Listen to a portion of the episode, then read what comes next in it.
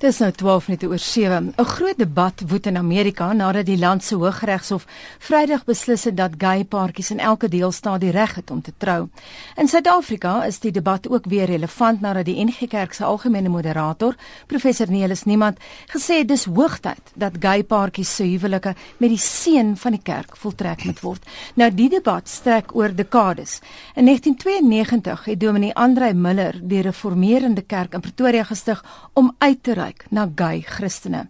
In 1997 het die ou hervormde predikant Pieter Celee se boek 'n kassis vir klere opslag gemaak toe sy worsteling met sy gay gevoelens aan die groot klok gehang is. Sedertdien het Celee 'n kas vervat in nog 'n boek Soeker wat die onderwerp verder voer. Beide mans is ver oggend ons ateljee gaste. Baie welkom Pieter. Baie dankie.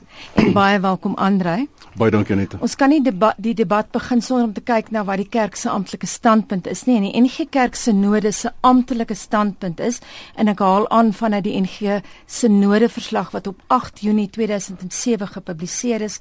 Die algemene sinode herbevestig die besluit van 2004 dat volgens ons verstaan van die Bybel slegs die verbintenis tussen een man en een vrou as 'n huwelik beskou kan word. En dan punt nommer 6, die algemene sinode besluit dat in die lig van wat ons tans het, homoseksuele verbintenisse en huwelike nie as 'n alternatief vir huwelik aanvaar kan word nie. Nou die standpunt is steeds vandag van krag, maar kom ons begin by jou uh Pieter die kerk se standpunt en wat baie mense binne die kerk wil hê strook nie altyd nie.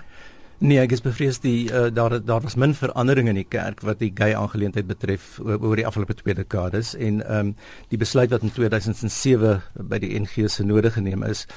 Ehm um, mense sou kon sê daar is vordering gemaak in soverre dat daar besluit is dat uh, gay predikant gelegitimeer kan word, maar die voorwaarde wat daaraan gekoppel is, maak dit problematies. Die feit dat daar celibaat gelewe moet wees, moet moet word. So onmiddellik word die gay persoon amper 'n tweede rangse lidmaat gemaak in die proses. So ek dink ons het uh, steeds nie ver gevorder nie. Ek dink ons is nog nie uh, in een van die Afrikaanse kerke by 'n onvoorwaardelike aanvaarding van uh homoseksuele nie. Solank daar die voorwaardes daar is, solank sal gay mense dink ek buitestanders bly. Ons het in die inleiding verwys aan die feit dat Dominee Andrei Miller in 1992 die Reformeerende Kerk in Pretoria gestig het om uit te reik spesifiek na gay Christene. Het seker baie gebid oor die saak. Anita, ja, mens bid baie daaroor. Jy het daar baie introspeksie daaroor. Is 'n pad wat jy saam met die Here loop. En dit is werklik ware ding wat jy vir die Here doen want dit daar's 'n behoefte gewees. Want ek het te doen gekry met gay Christene wat diep toegewyde gelowige mense was en nog steeds is. Maar daar was nie geen voorsiening vir hulle gemaak in die groot kerke nie. So ons het 'n voorsiening gemaak vir hulle. Ek weet dat jy voel een van die groot probleme is dat daar is onkunde oor wat gay wees behels. Ja, Anita, jy kan nie glo hoeveel onkunde is daar in die wêreld nie. Jy weet, um, in eerste plek dink die mense dit is 'n keuse wat mense maak. Jy jy kies om gay te wees niks gaan verder van die waarheid wees as jy's dit nie. Of hulle dink dis 'n man wat 'n vrou probeer wees of andersom. Of hulle dink dis mense wat kinders molesteer. Of hulle sê mos met die Bybel sê mos baie duidelik, dis verkeerd, dis sonde. Of hulle dink ehm um, jy kan uh, of gay wees of Christen, maar nie albei te gelyk nie. So daar's baie onkunde.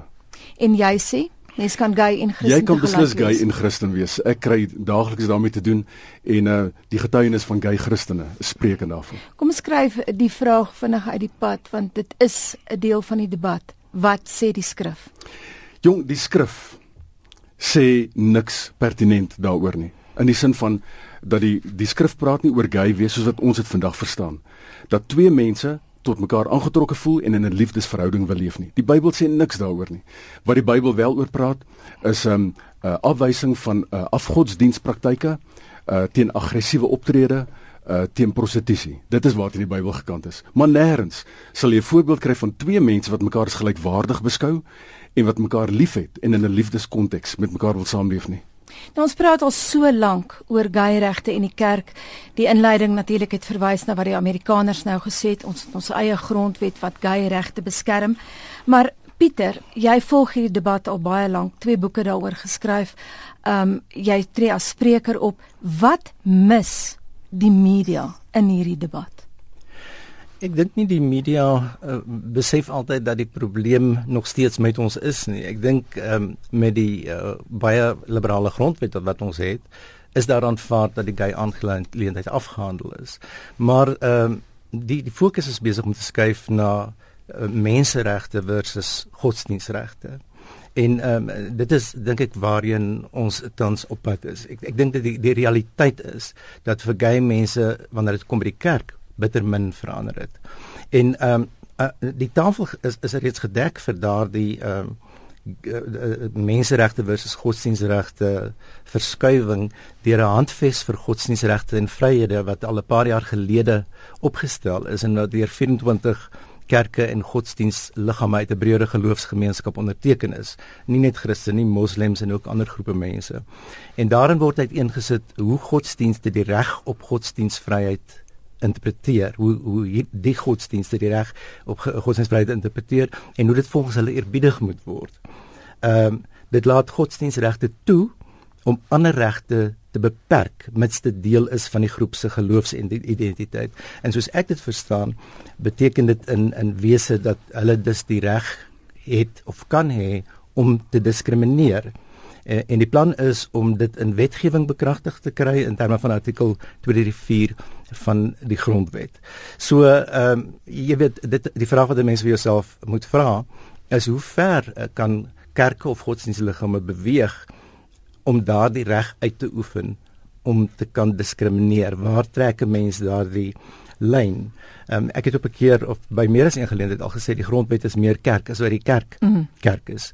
En ek het dit gedoen op grond van die feit dat die dat die grondwet um, gelykheid bevorder inklusief is menswaardigheid voorhou.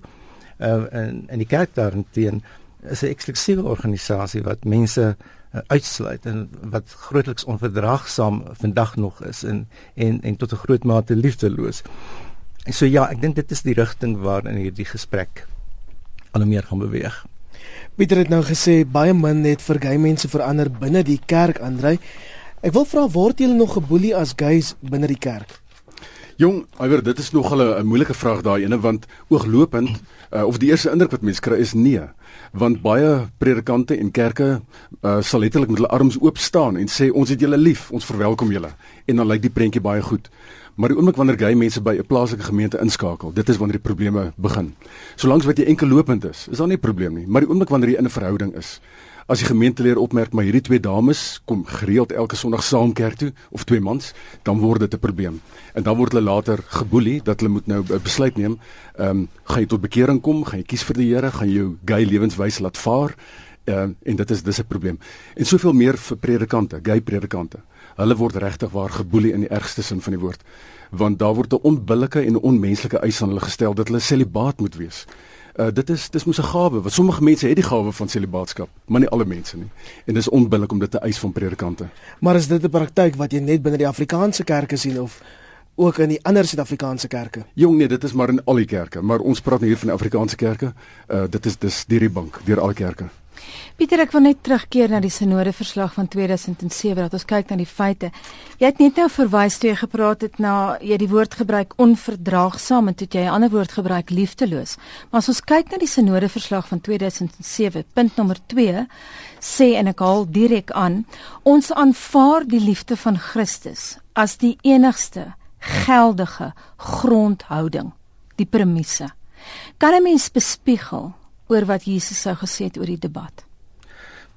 Ek weet nie of mense dit uh, moet doen nie, maar as uh, as 'n mens kyk na Jesus se leringe, was dit uh, uitsprake van insluiting, uh, van liefde, van aanvaarding, van omarming. Ek dink die NG Kerk het 10 teen 1 uit die hart bedoel wat hulle gesê het. Uh toe toe daardie uitsprake gemaak is, maar die die realiteit is dat dit in teenstelling is met wat dan daarop volg en dit is dat daar 'n voorwaarde gestel word uh aan die uh um, predikant of voornemende predikant wat gay is.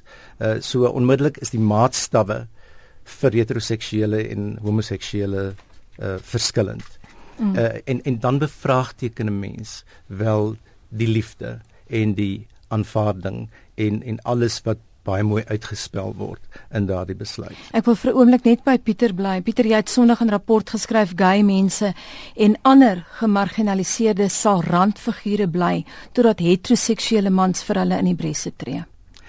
Ja, ehm um, en, en dit is nou nie Sondag nie, dit was 'n paar jaar gelede wat ek dit in 'n rapportartikel genoem het. Maar ehm um, ek het dit gesê omdat die besluitnemers in die kerke en die Afrikaanse kerke in elk geval is grootliks heteroseksuele mans. En solank as hulle in daardie posisie is, is rand is gemarginaliseerdes soort van uit, uitgelewer aan aan daardie groep mense. En dit is hoekom dit ek dit genoem het. En dit is totdat uh, ek dink ek heteroseksuele mans in die algemeen is kopskuif maak om inklusief te dink gaan gemarginaliseerdes dink ek altyd randfigure bly. En um, dit is uh, vir my uh, daarom so verblydend dat iemand soos professioneel is niemand ehm um, as ware uit die kas uitgeklim het mm. met sy uitsprake uh wat pers sy persoonlike siening behels en dit is dat gay mense uh sonder enige voorwaardes ingesluit moet word. 'n Mens kan 'n mens kan net jou hoed afhaal vir hom daar oor en dieselfde kan tot 'n groot ek bedoel hier het 'n mense 'n persoon hy's die algemene moderator van die NG Kerk in 'n gesagsposisie en hy's 'n heteroseksuele man wat sy hand opsteek mm. en sê ons moet gay mense omarm en 'n mens kan seker dieselfde sê van Fritz Skaum wat verlede week uh, in 'n rapport ook 'n uh, artikel geskryf het en en en en die woord verdraagsaamheid as 'n sleutelwoord uitgewys het. Uh en ek wil net een aanhaling maak wat hy daar in sy artikel gesê het en dit is dat onreg laat hom nie prioritiseer nie. Hmm. Onreg teen een mens kom uiteindelik neer op onreg teenoor almal. Maar mens wonder tog watter effek het hierdie uitsprake van iemand soos professor Nelis Niemand, die moderator van die NG Kerk. Andre? Iwer ek dink dit's dis wonderlik as iemand soos hy opstaan en praat en dit wat hy gesê het, want dit maak tog 'n kop skuif ehm um, mense begin anders te dink daaroor. Mense praat daaroor ten minste. En ek dink dis die groot bydrae wat hy lewer. Is ek dink daar's baie mense wat nou seker baie kwaad is vir hom, maar ten minste praat hulle daaroor. Want dit is 'n groot onderrig wat gebeur wanneer mense swyg oor hierdie ding, wanneer daar nie oor gepraat word nie. En dit is hoekom dit fantasties is as iemand in sy posisie die moed het en die die um, moed van sy oortuiging het om te sê wat hy wel gesê het en ehm um, dieselfde wat Amerika betref. Jy weet die feit dat uh, 'n groot instansie of uh, 'n moondheid soos Amerika nou so besluit geneem het, uh, dit is dit maak mense weer praat. Dit dit sit mense aan die dink daaroor en dis 'n goeie ding en dit kan maar net bevorder word. Nou moet ek vir jou vra ons het gepraat oor wat die moderator van NG Kerk gesê het. Ons weet dat die sinode weer sit in Oktober. Die groot vraag is die debat is so polariserend. Daar's twee groot groepe in die kerk en ons weet dat beide Bellaar en die gay kwessie is op die agenda geplaas. Maar die vraag natuurlik is gaan Bellaar oorheers? Gaan die gay kwessie weer op die agtergrond geskuif word? Anita, ja, dis 'n moeilike vraag wat jy vra, want uh, ons weet nie presies hoe gaan die sinode verloop nie, maar dis twee belangrike kwessies. Ehm um, en beide van hulle verdien sekerlik ehm um, regverdige tyd. Uh, ek kan maar net hoop van my kant af dat dat die gay uh, vraagstuk wel ehm um, voldoende tyd gaan kry. Ehm um, en my my hoop is dat die Bellaar aangeleentheid nie die gay uh, vraagstuk gaan oorheers nie. Pieter, waar lê die stryd nou? Ons het gesien wat die Amerikaners Vrydag gedoen het en daar's 'n groot debat in Amerika aan die gang daaroor. Dit lyk asof die stryd tussen die staat en die kerk is en jy is op rekord jy het dit ook nou nou weer gesê ons grondwet is meer kerk as die kerk. Wat dink jy gaan gebeur? Dit lyk amper asof daar twee magte is wat hier teen mekaar staan die konstitusie, die grondwet ook in Suid-Afrika natuurlik wat gays hulle regte gee en uh, en dan die kerk. Want jy het ook uh, al gesê dat dit lyk vir jou asof die kerke veg vir die reg om binne kerklike verband te diskrimineer. Ehm um, ek dink wat in Amerika besig is om te gebeur is wat uh, in Suid-Afrika ook gebeur en dit is daardie skuif van menseregte versus uh, godsdienstregte. Uh en as mens kyk na die reaksie sover van veral kerke op die Hooggeregshof se besluit in uh, Amerika, uh, dan is dit wat daar aan gebeur is. Uh, uh en, en en dit sal interessant wees om te sien hoe daardie debat uiteindelik uh sy loop neem. Ek wil wel by Andre aansluit oor die komende uh algemene sinode in Oktober. Ehm um, wat die belydenis van Belhar wel uitgewys het die afgelope paar maande is dat daar 'n geweldige verdeeldheid binne die NG Kerk is. En ek dink daardie verdeeldheid kan amper lê amper uh, langs dieselfde lyne as die verdeeldheid wat daar binne die kerk is rondom die gay aangeleentheid, die vir of teen gay wees. En ehm um, 'n mens hoop net die NG Kerk en die moed van oortuig van hulle oortuiging om die gay aangeleentheid uh, weer op die agenda te plaas te druk uh want ek dink daar kan die vrees bestaan dat die kerk kan skeur as gevolg van iets wat so verdelend en so polariserend is. Uh 2 jaar gelede het, het die hervormde kerk geskeur. Ehm uh, oor wat ek glo meer 'n rasgedrewe aangeleentheid was, maar die gay storie het ook iewers in die agtergrond gehuiwer. Ehm uh, en ek dink jy weet ek dink as 'n mens net rustig daaroor kan gesels, om met tafel kan sit, kan praat, uh, in gesprek kan tree, uh en die onkunde waarna Andrei vroeër verwys het uh, kan aanspreek. Ehm um, dan behoort hierdie aangeleentheid wel ter tafel te wees en ek hoop van harte dat uh dit uiteindelik op daardie punt gaan kom waar die NG Kerk 'n besluit gaan neem wat onvoorwaardelik is. Andre ons gaan julle moet groet, maar word die kerk nie gekaap deur 'n klein groepie mense nie? Iwer uh, ongelukkig wil dit so lyk want dit is dis werklik waar die mening van 'n paar mense wat nou maak dat die groter meerderheid agter hulle moet aanloop en uh, dit moenie so wees nie want die kerk het 'n profetiese roeping om die liefde van God uit te dra. Ah, baie dankie twee manne wat ver oggend met ons kom gesels het. Het uh, is al baie lank deel van die baie uitgesproke debat oor gay wees in die kerk. Baie dankie aan Dominee Andre Miller. Baie dankie vir die saamgesels. My voorgangete baie dankie. En baie dankie aan Pieter Celie, oud hervormde predikant wat twee boeke geskryf het oor die onderwerp. Baie dankie Pieter dat jy ingekom het ateljee toe. Dit was lekker. Dankie Anita.